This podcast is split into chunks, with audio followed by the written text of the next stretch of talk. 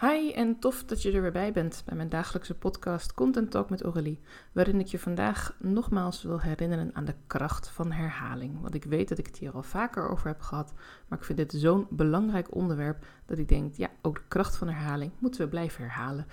Want het is echt zo dat we heel vaak denken dat als we een bepaalde boodschap of een bepaald idee wat we hebben binnen ons bedrijf uh, gaan herhalen, dat het dan saai is voor mensen dat het misschien vervelend is eh, voor jouw kijker, luisteraar, lezer, volger, om nogmaals te horen dat jij bepaalde ideeën hebt ergens over.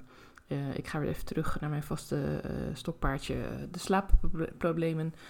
Misschien herhaal je regelmatig over slaapproblemen dat voeding een belangrijke rol kan spelen. Bijvoorbeeld, ik kreeg ooit de tip, ik heb ook best wel veel last gehad van slaapproblemen. Drink geen koffie of cafeïnehoudende dranken na twee uur s middags.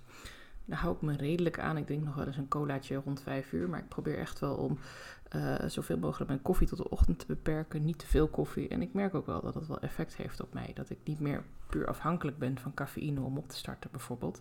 Ook omdat ik wat later begin. Dus dat soort tips, ja, dat neem ik wel mee. Ook omdat het heel vaak herhaald is. Omdat verschillende mensen het gezegd hebben. Omdat ik het ergens gelezen heb. Kortom, ook dingen die ik misschien lastig vind. Want ik ben echt wel een koffieleut blijven dan toch hangen en ga ik dan toch op een gegeven moment toepassen als ze maar gewoon vaak genoeg herhaald worden en op verschillende manieren.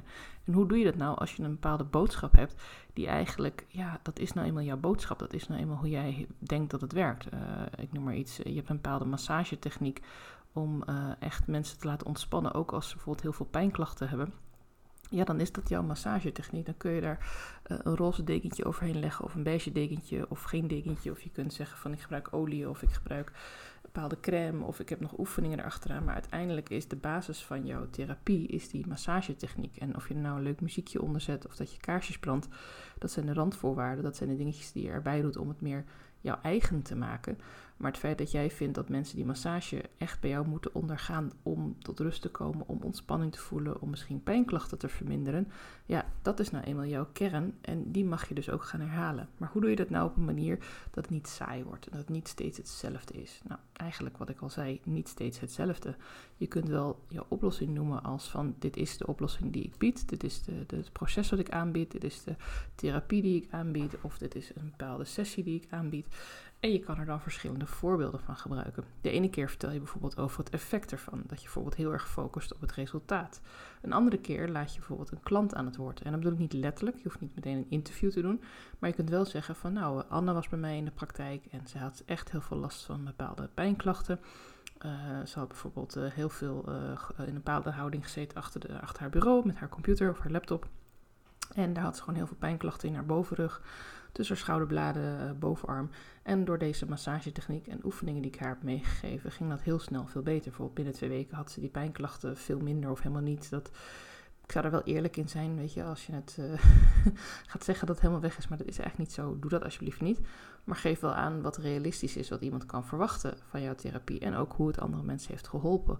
Vertel er ook bij hoe Anne erbij zat voordat ze bij jou kwam, of, of hoe ze de eerste keer bij jou zat, en hoe ze erbij zat toen ze bijvoorbeeld voor de derde keer bij je kwam en eigenlijk al grotendeels verlost was van die pijn. En ook begon te merken dat uh, het werken met jou, de therapie volgen bij jou, de massages krijgen van jou, dat het ook haar enorm vooruit hielp. En dat kun je natuurlijk met heel veel dingen doen. Als jij professioneel uh, opruimer bent, of, of, hoe je dat dan ook wil noemen, maar iemand die uh, mensen helpt met chaos, uh, of dat nou chaos op hun bureau is, chaos in hun hoofd, in hun bedrijf, de administratie is een bende, of ze weten gewoon echt niet meer wat ze nou precies hebben gedaan voor welke klant, en jij hebt er bepaalde systemen voor, dan kun je natuurlijk fantastisch laten zien wat de nadelen zijn van niet met jou aan het werk gaan.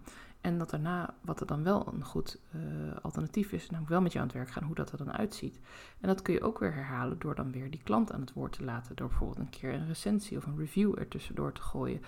Uh, je kunt ook een keer laten zien van, hey, uh, dit is het weer iets te ver doorgetrokken. Dan laat je wat foto's zien van een super, super opgeruimd bureau. En zeg je, ja, dit is niet de gold standard. Dit is wat één iemand heel mooi vindt of fijn vindt. Of dit is voor een fotoshoot in elkaar gezet. En dan laat je bijvoorbeeld je eigen bureau zien, waar af en toe wel wat prulletjes op liggen of waar nog eens een leeg kopje koffie op staat. maar wat wel gewoon heel netjes opgeruimd en waar je ook snel je spulletjes terug kunt vinden. Dat zijn allemaal verschillende manieren, verschillende points of view noem ik het maar even, om wel diezelfde boodschap steeds te herhalen. Om steeds weer te zeggen van dit is mijn kern en die laat ik zien vanaf, de, uh, nou, vanaf boven, vanaf de zijkant, vanaf de onderkant, vanaf de voorkant. En ik noem steeds weer andere voorbeelden om wel tot die kern steeds te komen. En waarom is dat nou zo ongelooflijk belangrijk? Omdat jouw klant lang niet al jouw content ziet. Jouw klant ziet niet al jouw posts. Jouw klant ziet ook niet elke uh, blog die je schrijft. Um, zal ook niet alles onthouden. Want guess what? Er zijn heel veel mensen die hele interessante content delen. En wij lezen niet netjes al onze mails en onze Instagram-posts achter ons bureau met een notitieboekje.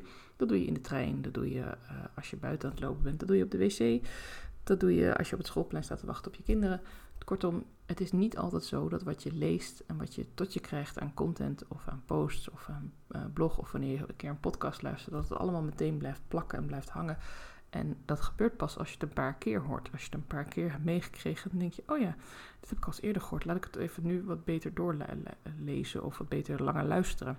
Want misschien is het toch wel interessant, misschien is het wel relevant. Plus daarbij hebben wij in deze zeer overvolle media-maatschappij, uh, waarin we zo ontzettend veel tot ons krijgen de hele tijd, met reclames, met billboards, met social media, met zelfs uh, zoekresultaten en uh, werd er van de week op gewezen dat zelfs radiocommercials al afgestemd worden op mijn locatie. Dat ik dus, want ik woon in Almere, dus dat ik ook bedrijven uit Flevoland, Almere dan langs hoor komen op gewoon nationale radiozenders. Dus weet je, je wordt aan alle kanten, word je eigenlijk, nou ik wil niet zeggen gemanipuleerd, maar het komt wel op heel veel manieren naar je toe, al die informatie, als je dat tenminste als je de radio aanzet en internet gebruikt en een beetje meedraait, dan, dan is er heel erg veel wat je aan input krijgt. En daar moet je ook maar tussenuit uh, je kopje boven het maaiveld uitsteken. Moet je ook maar weer opvallen daartussen. En dat doe je door te herhalen. Want misschien ziet jouw uh, klant het wel de eerste keer terwijl ze in de supermarkt staat en eigenlijk met haar boodschappen bezig was, maar ze heeft even een moment dat ze denkt, nou, ik, ik heb even geen zin meer in of ze staat bij de kassa te wachten. Misschien zit jouw klant in de trein. Dan zou ze eigenlijk een voor afspraak voorbereiden, maar zit ze nog heel even de Instagram te checken. Je valt even tussendoor op, ze blijft even hangen en ze denkt, oh ja, interessant, en daarna is het weer weg. Maar omdat ze wel die ene keer heeft gezegd, hey, interessant, kan het dan zijn dat als je die boodschap weer deelt, bijvoorbeeld in een e-mail of in een blog of in een video, dat ze het nog een keer ziet, met net weer even een ander voorbeeld eraan gangen, net even een andere insteek. Dan denkt ze, oh ja, ja, dat is wel interessant. Ja, ja. En misschien dat ze dan wel overgaat tot die aankoop. En misschien is het gewoon de eerste keer gelijk raak dat je gewoon net op het goede moment een goede boodschap hebt gedeeld.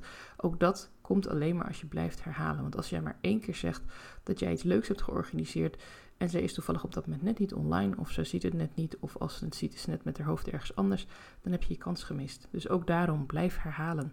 Want jouw klanten zien echt niet als jij tien keer hetzelfde event aankondigt, of als jij tien keer dezelfde challenge noemt. Echt niet. Jouw klanten zien dat misschien één of twee keer. En ik heb het nu dat ik uh, een bepaalde uh, ondernemer zie die heeft deze week een uh, tof evenement en dat is in de avonduren. En ik weet al dat ik niet kan, maar toch blijf ik haar steeds zien. En denk ik toch iedere keer weer, ook oh, ga even mijn agenda kijken. Oh nee, dat heb ik al gedaan, want ik kan dan niet.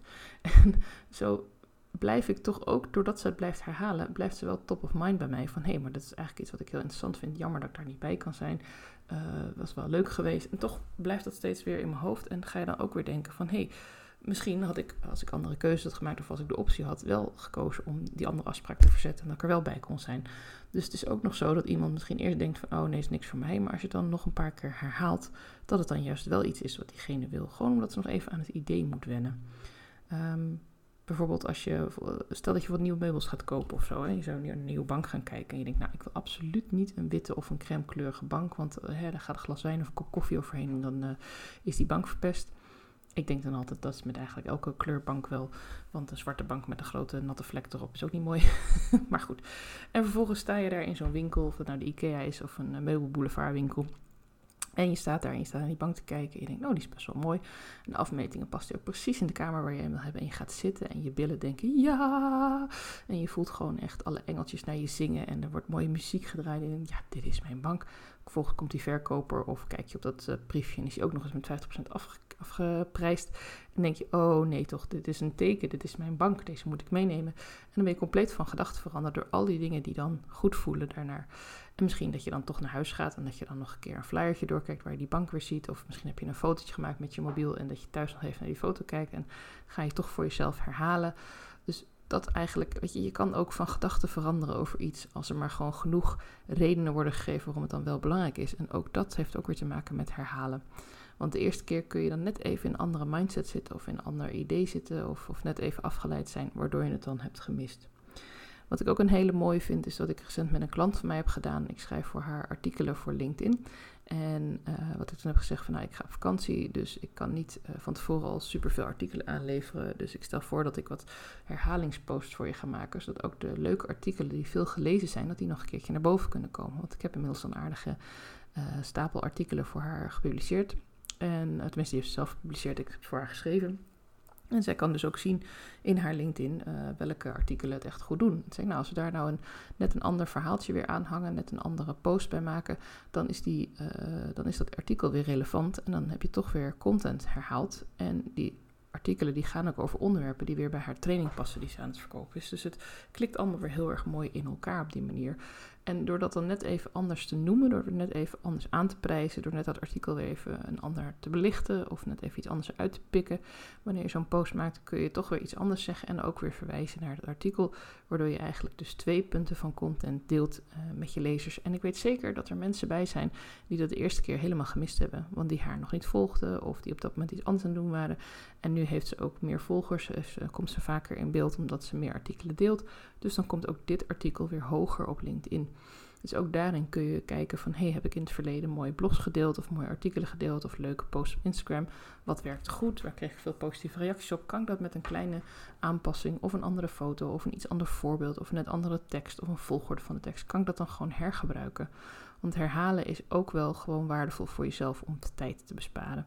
Het kost je minder tijd, het kost je minder energie. En uiteindelijk wil je toch jouw kernboodschap, en dat zijn er echt geen honderd, dat zijn er hopelijk, is dat er maar eentje, die wil je steeds bij jouw klant overbrengen. Zodat zij weet waar jij voor staat, dat ze weet waar jij ervoor bent. Mocht je hier nu vragen over hebben, stuur me dan even een bericht. Dan denk ik heel graag met je mee. En mocht je nou denken, ik vond het echt een hele waardevolle tip, maar ik weet niet zo goed waar ik moet beginnen dan raad ik je aan om deze week nog in te stappen in mijn uh, challenge. Kost je maar 11 euro uh, uh, investering. En dan doe je vier weken mee. En je kunt daarna nog zes maanden alles terugkijken. En mijn feedback ook teruglezen. En de video's nog terugkijken.